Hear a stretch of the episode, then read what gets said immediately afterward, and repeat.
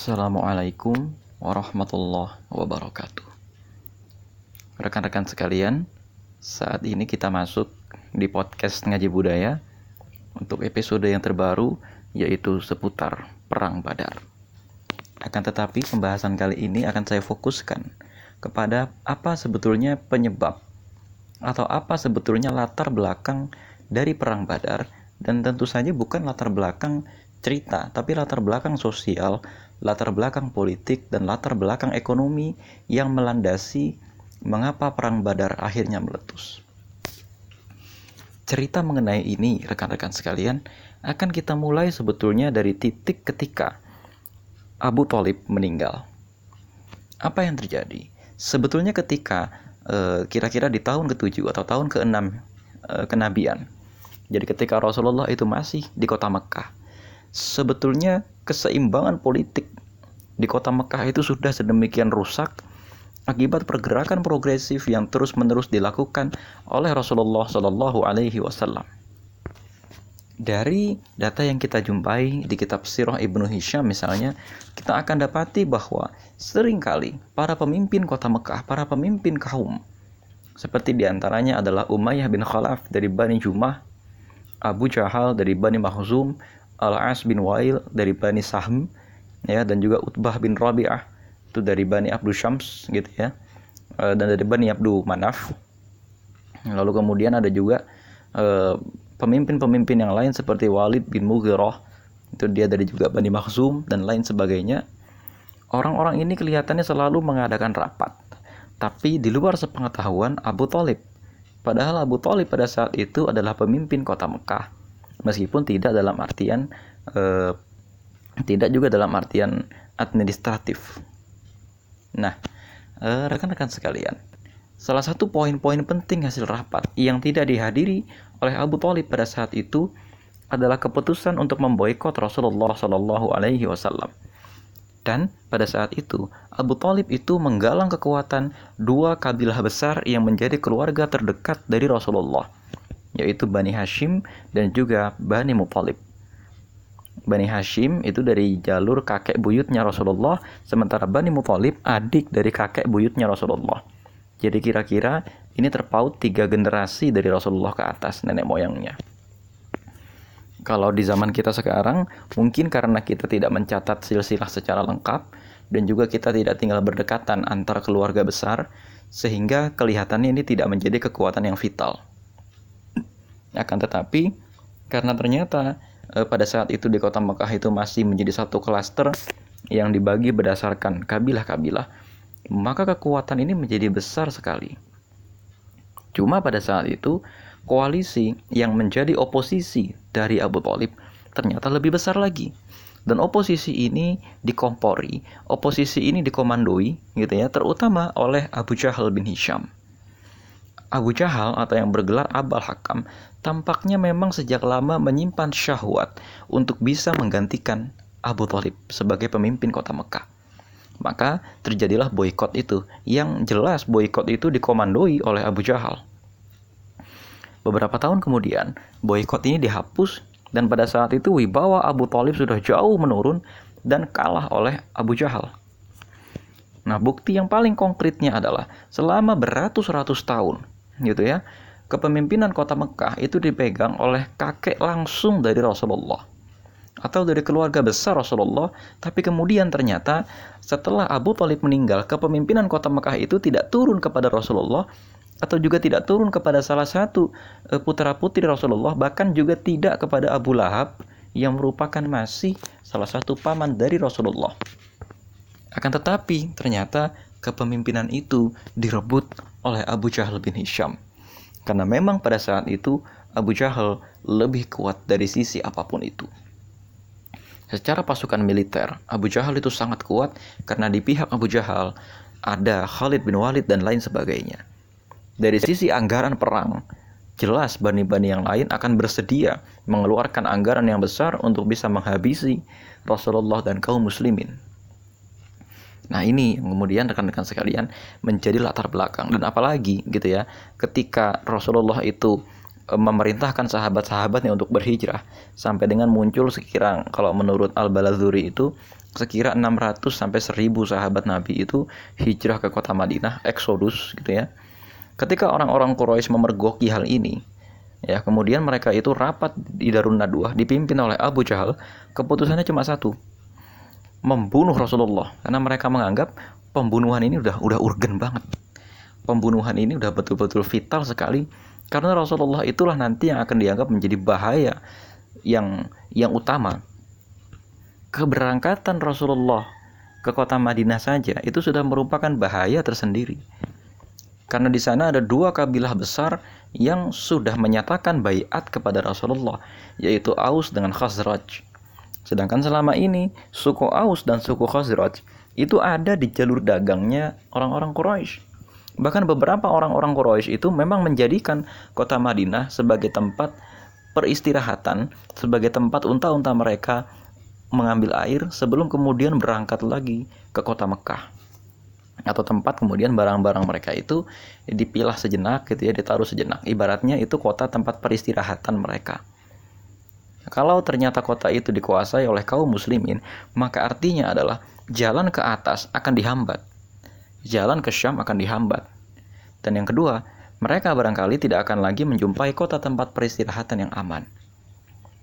Ini terbukti juga misalnya uh, salah satu kepala suku yang cukup besar di sana yaitu As'ad bin Zurarah. Yang As'ad bin Zurarah ini salah satu kepala suku pertama yang masuk Islam adalah sahabat dari Utbah bin Rabi'ah.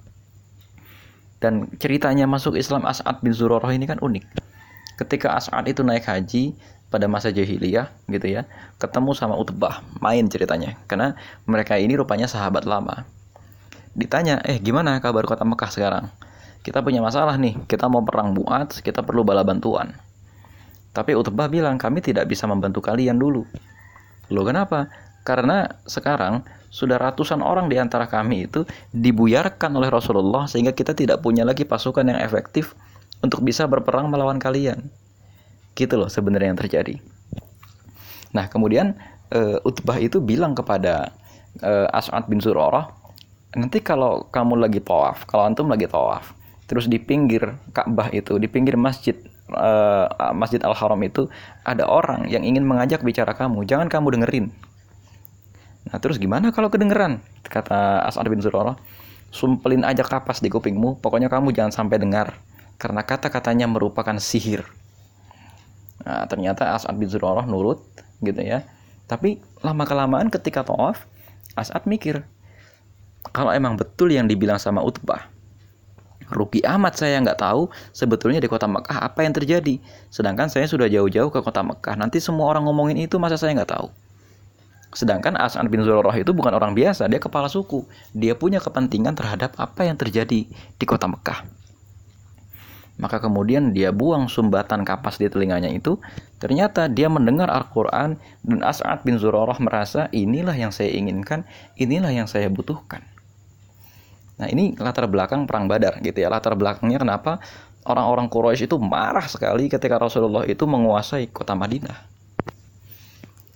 Dan kemudian begini, ketika orang-orang Muslim itu eksodus pindah semua dari kota Mekah ke kota Madinah dan tinggal tersisa orang-orang yang lemah atau orang-orang yang sedang dipenjara. Mereka merasa akhirnya sudah tidak ada lagi alasan untuk tidak mengangkat senjata. Dengan kabar bahwa piagam Madinah, dan lain sebagainya menyebar ke berbagai penjuru.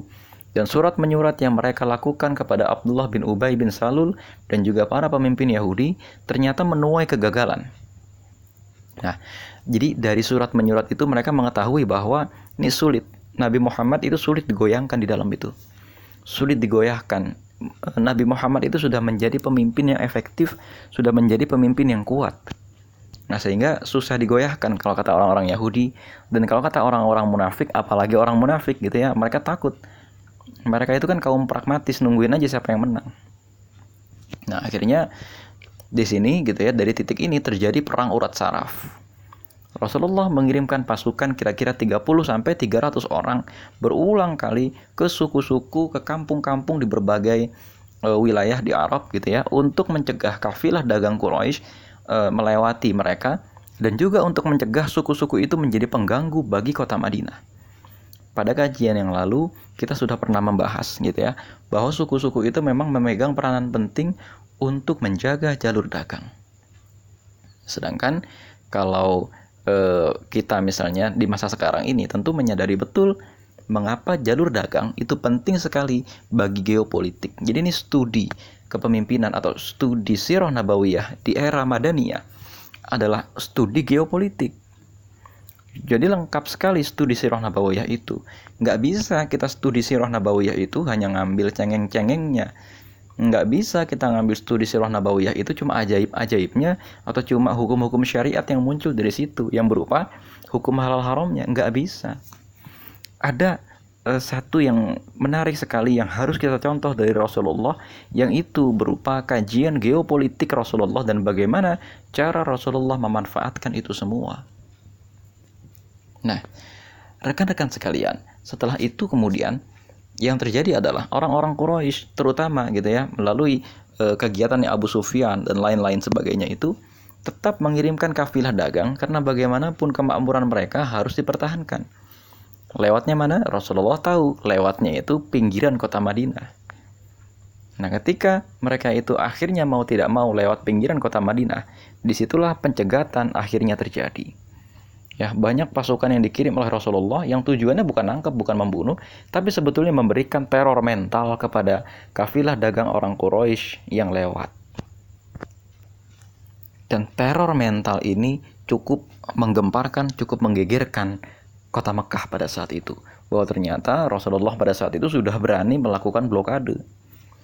Memang beberapa kali kaum Quraisy itu juga mengirim e, pasukan yang serupa untuk mengacaukan keamanan di kota Madinah. Di antaranya gitu ya, ada yang disebut sebagai perang Sawik. E, jadi Sawik itu artinya tepung, itu karena orang-orang Quraisy itu berangkat ke kota Madinah untuk membegal gitu ya, untuk memberikan pengacauan dan kemudian mereka itu membawa banyak sekali tepung untuk makan di sepanjang perjalanan. Karena makanan pokok mereka itu kan gandum atau kurma. Nah, ternyata berhasil dicegat oleh Rasulullah. Kurang lebih Rasulullah itu pergi berulang kali, sekitar 5 sampai 10 kali gitu ya. Dan salah satunya itu tidak hanya Rasulullah yang pergi uh, tapi juga uh, di situ dipimpin oleh Ubaid bin Haris misalnya gitu ya. Uh, juga dipimpin oleh Hamzah bin Abdul Muthalib terkadang dipimpin oleh Zaid bin Haritsa dan kadang-kadang Abu Bakar As-Siddiq yang dikirim dan lain sebagainya. Jadi ini misinya itu untuk betul-betul membangun satu pagar politik maupun pagar militer ya agar orang-orang Quraisy tidak mendekati kota Madinah. Nah dari sini rekan-rekan sekalian. Akhirnya e, karena perang urat saraf ini semakin tajam dan orang-orang Quraisy itu kan ceritanya begini. Ketika mereka menyurati kaum Yahudi itu mereka berharap mendapatkan sekutu dari internal mereka. Tapi ternyata kaum Yahudi itu nggak panas juga gitu loh. Gagal dipanasin gagal dikomporin. Kaum Yahudi itu cuma ibaratnya gitu ya. Cuma maunya ya udah sana lawan ntar kita lihat deh siapa yang menang gitu loh ini ini nggak nggak harfiah begini, tapi kita bisa lihat dari reaksi kaum Yahudi kepada surat yang dikirimkan oleh Abu Jahal kepada orang-orang Yahudi itu. Awalnya orang-orang Yahudi memang bersimpati, tapi ketika Rasulullah tahu ada surat itu, ya tahu ketika surat dari orang-orang Quraisy itu datang ke kota Madinah, Rasulullah bertindak cepat. Beliau hampiri setiap kabilah Yahudi di sana, beliau hampiri Abdullah bin Ubay bin Salul, mereka tunduk kepada Rasulullah, mereka menghormati Rasulullah jadi tampaknya memang mereka ini menunggu. Sebenarnya nanti ya, kira-kira kalau perang terbuka, menang siapa sih? Nah, baru kita akan nurut sama dia. Karena bagi kaum Yahudi sendiri kondisinya tidak menguntungkan. Kalau misalnya mereka ikut dengan orang-orang Quraisy memerangi Rasulullah misalnya, nggak akan ada jaminan mereka menang. Tapi kalaupun misalnya mereka tidak memerangi Rasulullah, ya orang-orang Quraisy itu juga nggak akan memberikan keuntungan apa-apa buat mereka. Ya, karena ya secara secara geografis maupun secara militer kota Madinah jauh lebih aman daripada kota Mekah jauh lebih kuat meskipun ada faktor X faktor X-nya adalah ada Ka'bah di kota Mekah sehingga orang-orang tidak akan menghancurkan kota Mekah akan tetapi orang-orang Yahudi ini sadar orang-orang muhajirin yang berhijrah ke kota Madinah adalah generasi muda kota Mekah yang pada saat itu eh, ada anggapan gitu loh, ada semacam satu visi, ada satu satu analisis pada saat itu yang berkembang di tengah-tengah masyarakat. Ini anak-anak muda kota Mekah, anak-anak pemimpinnya berangkat semua ini ke kota Madinah. Berarti di kota Madinah, eh, apa di kota Mekah itu sedang ada kekosongan pasca generasinya Abu Jahal, pasca generasinya Walid bin Mughirah, pasca generasinya Al-As bin Wa'il dan lain sebagainya. Siapa yang nanti akan melanjutkan estafet kepemimpinan kota Mekah? Enggak ada. Karena mayoritas yang generasi mudanya dipreteli semua oleh Rasulullah masuk Islam dan hijrah ke kota Madinah. Prospek kota Madinah jelas jauh lebih menguntungkan. Karena pada saat itu para sahabat Nabi ada di usia emas. Kira-kira usianya 20 sampai dengan usia paling tinggi gitu ya sekitar 50 sampai 60 tahun. Ini usia emas. Sedangkan orang-orang Quraisy pada saat itu kalau kita analisis usianya itu rata-rata di atas 50 tahun dan generasi mudanya tinggal sedikit. Paling yang tersisa itu tinggal Amarah bin Walid misalnya, Khalid bin Walid, atau juga yang tersisa tinggal orang-orang yang memang tidak punya kesetiaan kepada orang-orang Quraisy dan hanya dipaksa untuk berangkat perang Badar oleh orang tuanya. Nah, ini rekan-rekan sekalian, bagaimana cara kita membaca data generasi atau bagaimana cara kita membaca data sosial. Contohnya begini, Eh, belakangan ini itu ya banyak sekali survei-survei mengenai generasi milenial. Nah, coba kalau misalnya kita kaitkan survei ini dengan survei dengan kualitas atau dengan variabel yang sama pada generasi di atasnya. Kalau terjadi perbedaan pendapat yang tajam sekali antara generasi milenial dengan generasi di atasnya, misal gitu ya, bagaimana preferensi mereka kepada Islam? Misal generasi di atasnya menyatakan negara kita tidak usah menjadi negara Islam. Tapi kalau generasi milenial kompak melalui survei menyatakan bahwa negara kita harus menjadi negara Islam, maka insya Allah nanti ketika di usia generasi milenial itu memimpin negara Indonesia, negara Indonesia akan mereka bawa menuju negara Islam. Tanpa perlu perjuangan yang berdarah-darah di lapangan. Tanpa perlu perjuangan yang ibaratnya secara bersenjata sekalipun.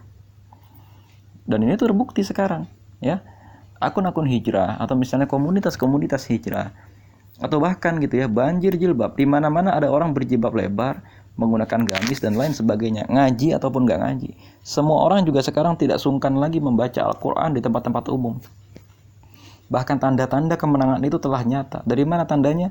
Sekarang semua orang yang ingin mencalonkan menjadi kepala pemerintahan misalnya tidak lagi mengkampanyekan dirinya dengan cara generasi tua cara generasi tua itu bagaimana? Kampanye yang menampilkan kekayaan atau menampilkan dirinya dengan citra sebagai orang yang cantik, menampilkan dirinya dengan citra orang yang kaya dan lain sebagainya. Tapi sekarang gubernur dan wali kota itu berlomba-lomba menampilkan citra dirinya dengan citra yang disukai oleh umat Islam, terutama generasi milenial muslim. Apa itu? Dekat dengan Al-Quran, naik haji, ya. Bahkan bukan cuma naik haji lagi sekarang ngaji gitu ya ngaji dalam arti siapa ulama yang membawa dia dan lain sebagainya atau bahkan juga kebencian dia kepada hal-hal yang diharamkan di dalam Islam. Fenomena ini terutama dengan tajam sekali kita lihat di kota Jakarta, Provinsi Jawa Barat, Provinsi Jawa Tengah, Jawa Timur, dan beberapa kota di Indonesia seperti kota Bengkulu, kota Banda Aceh, dan lain sebagainya. Ini adalah satu bandul perputaran zaman yang dengan jeli harus kita perhatikan. Ya, jangan sampai kita nanti melawan generasi, melawan sunatullah ya sehingga kita melawan generasi muda dan kemudian apa? Bangsa kita berubah sementara kita tidak mau berubah. Akhirnya ya secara sunatullah kita akan habis digilas oleh zaman. Nah, orang-orang Yahudi tampaknya mengerti apa yang terjadi di kota Madinah dan juga mengerti apa yang terjadi di kota Mekah. Maka orang Yahudi pada saat itu menolak untuk bersekutu dengan orang Quraisy, tapi lebih tepatnya menolak secara halus. Ya dengan cara mereka nggak nggak kemudian bersekutu secara efektif, tapi hanya melakukan pengacauan-pengacauan kepada diri Rasulullah Shallallahu Alaihi Wasallam. Ya contohnya Kaab bin Ashraf pada saat itu ya Kaab bin Ashraf itu salah satu kepala Bani Nadir gitu ya mencoba membunuh Rasulullah dan kemudian oleh Rasulullah dibunuh balik dan mayoritas orang-orang munafik pada saat itu memang kalau menurut catatan dari Ibnu Hisham adalah orang-orang Yahudi yang berpura-pura masuk Islam. Ini yang repot gitu ya. dan orang-orang Yahudi hanya bisa melakukan sejauh ini tapi tidak berani melakukan gelar perang, tidak berani melakukan parade militer sebagaimana yang dilakukan oleh orang-orang Quraisy. Ini yang yang kemudian kita cermati dengan baik hari ini, gitu ya, dari catatan sirah semacam ini. Ini yang sebetulnya melatar belakangi mengapa perang Badar itu begitu monumental dan mengapa Rasulullah ibaratnya bisa dengan tenang meninggalkan kota Madinah tanpa orang-orang Yahudi itu dikhawatirkan akan berkhianat. Karena sesungguhnya orang-orang Yahudi itu juga nunggu. Lihat nih, menang gak nih? Begitu juga kabilah-kabilah yang lain yang belum masuk Islam, tapi sedang menunggu. Lihat nih, menang gak nih? Gitu kan. Dan ternyata terbukti di perang Badar Rasulullah menang sehingga ikatan perjanjian atau ketakutan mereka kepada kekuatan kota Madinah itu bertambah-tambah kuat. Nah ini rekan-rekan sekalian, bagaimana cara kita membaca data sirah nabawiyah itu penting. Jadi memang harus ada satu prestasi di luar itu gitu ya. Misalnya kalau kalau Rasulullah itu perang Badar, maka kita harus menciptakan satu prestasi yang monumental yang meyakinkan orang bahwa ajaran ini, bahwa dakwah ini adalah satu dakwah yang terbaik sekali. Ya, apalagi nanti misalnya kalau kita melakukan rekrutmen orang harus ada satu momen ketika orang-orang itu diyakinkan bahwa memang kita itu memang kuat menguasai strategi geopolitik dan lain sebagainya. Dari awal saja Rasulullah itu sudah jauh startnya itu di depan. Dengan mengirimkan pasukan-pasukan kecil ke kabilah-kabilah yang menjaga di sekeliling kota Madinah. Sedangkan orang-orang Quraisy itu cuma sekedar ya di rumahnya aja gitu ya. Cuma sekedar misuh-misuh, cuma sekedar marah-marah Rasulullah pergi. Memang sempat ngejar sekali dua kali, tapi sudah tidak melakukan satu kegiatan yang efektif. Ibaratnya Rasulullah sudah bekerja ke sana kemari, orang-orang Quraisy itu nunggu aja apa yang dilakukan oleh Rasulullah. Jadi rekan-rekan sekalian, ini juga terjadi karena memang orang-orang Quraisy itu tersisa tinggal orang-orang tua. Memang yang namanya orang tua ya begitu, kolot dan lain sebagainya. Sementara anak-anak muda itu out of the box. Memang yang namanya dakwah itu harus begitu. Out of the box, cepat, gercep, dan lain sebagainya. Jadi rekan-rekan sekalian, inilah ulasan gitu ya. Sebenarnya kenapa perang Badar itu menjadi monumental sekali. Dan alasan kenapa orang-orang Quraisy itu dengan cepat mengumpulkan pasukan sampai jumlahnya kira-kira e, seribu orang. Meskipun mereka sendiri sebenarnya nggak kompak. Karena mereka tidak semuanya mengakui kepemimpinan Abu Jahal. Tidak seperti Abu Talib Abu Jahal itu kan merampas kepemimpinan begitu saja sehingga tidak semua orang mengakuinya. Nanti kita lihat ya contohnya ada dari Nador bin Harith gitu ya, ada Utbah bin Rabi'ah dan lain sebagainya. Mereka semua tuh menarik pasukannya, termasuk juga Al-Ahnas bin Syuraik. Mereka menarik pasukannya dari pasukan kota Mekah. Dan kemudian Abu Jahal pada saat itu marah-marah. Karena jelas gitu ya termasuk juga pasukan Bani Hashim yang tersisa. Di antaranya kakaknya Ali bin Abi Thalib yang ikut perang pada saat itu keberatan. Karena memang perang ini sesungguhnya hanya menguntungkan bagi Abu Jahal tapi sebetulnya warga kota Mekah relatif tidak merasa punya kepentingan untuk memerangi Rasulullah yang punya kepentingan cuma sebagian tapi mereka membawa-bawa kepentingan semua orang ini makanya dari mental pasukannya sudah kalah gitu ya rekan-rekan sekalian, kira-kira itu dulu yang bisa kita uh, bahas sebagai perantara menuju perang Badar, gitu ya. Perantara menuju perang Badar ini bagaimana cara membaca data sebetulnya. Jadi penguasaan geopolitik oleh Rasulullah itu sangat-sangat penting. Ya, betapa orang Quraisy juga sesungguhnya ingin berusaha menggoyang kekuatan politik internal gitu ya seperti kalau sekarang tuh cara negara-negara maju untuk menghancurkan satu negara itu persis seperti caranya orang Quraisy. Amerika atau Rusia atau Cina misalnya kan ngirim satu agen. Ya sering kali kan kita membayangkannya itu seperti di film-film. Agen rahasia satu dua orang dikirim ngebom dan lain sebagainya. Ini enggak. Agen itu memang betul-betul datang berupa menterinya langsung datang, diliput semua orang gitu ya, kelihatan bahwa itu ada surat dan kelihatan reaksi dari orang yang menerima surat itu. Entah itu nanti sang menteri kemudian bekerja sama dengan satu korporasi, sang menteri bekerja sama dengan satu partai, sang menteri misalnya bekerja sama dengan satu kekuatan militer, punya perjanjian apa gitu ya. Dan kemudian dari titik itulah nanti mereka itu berusaha menggoyang sendi-sendi sebuah negara. Orang Quraisy merasa bisa memproksi Abdullah bin Ubay eh, sebagai pemimpin kaum munafik dan merasa bisa memproksi orang-orang Yahudi untuk menggoyang kekuatan Rasulullah. Sebagaimana sekarang negara-negara maju itu dalam kondisi negara mengalami transisi dari masa wabah gitu ya menuju masa-masa yang lebih baik lagi insya Allah gitu ya yang kemudian negara-negara maju itu mencoba intervensi dan lain sebagainya. Sekarang tinggal kita lihat, sebagai umat muslim, kita mampu nggak melewati transisi ini, dan mampu nggak kita sebagai umat muslim itu menjaga solidaritas dan menunjukkan prestasi yang kuat sekali pada saat Perang Badar. Karena orang-orang yang menjadi agen atau orang-orang yang tanpa sadar sedang dibujuk oleh negara maju untuk berbuat pengkhianatan di dalam negaranya sendiri sebagaimana orang munafik dan orang Yahudi untuk mengkhianati Rasulullah sedang menunggu umat Islam akan melakukan apa. Kalau umat Islam kalah atau kalau umat Islam tidak melakukan apa-apa maka mereka akan menggilas kita. Assalamualaikum warahmatullahi wabarakatuh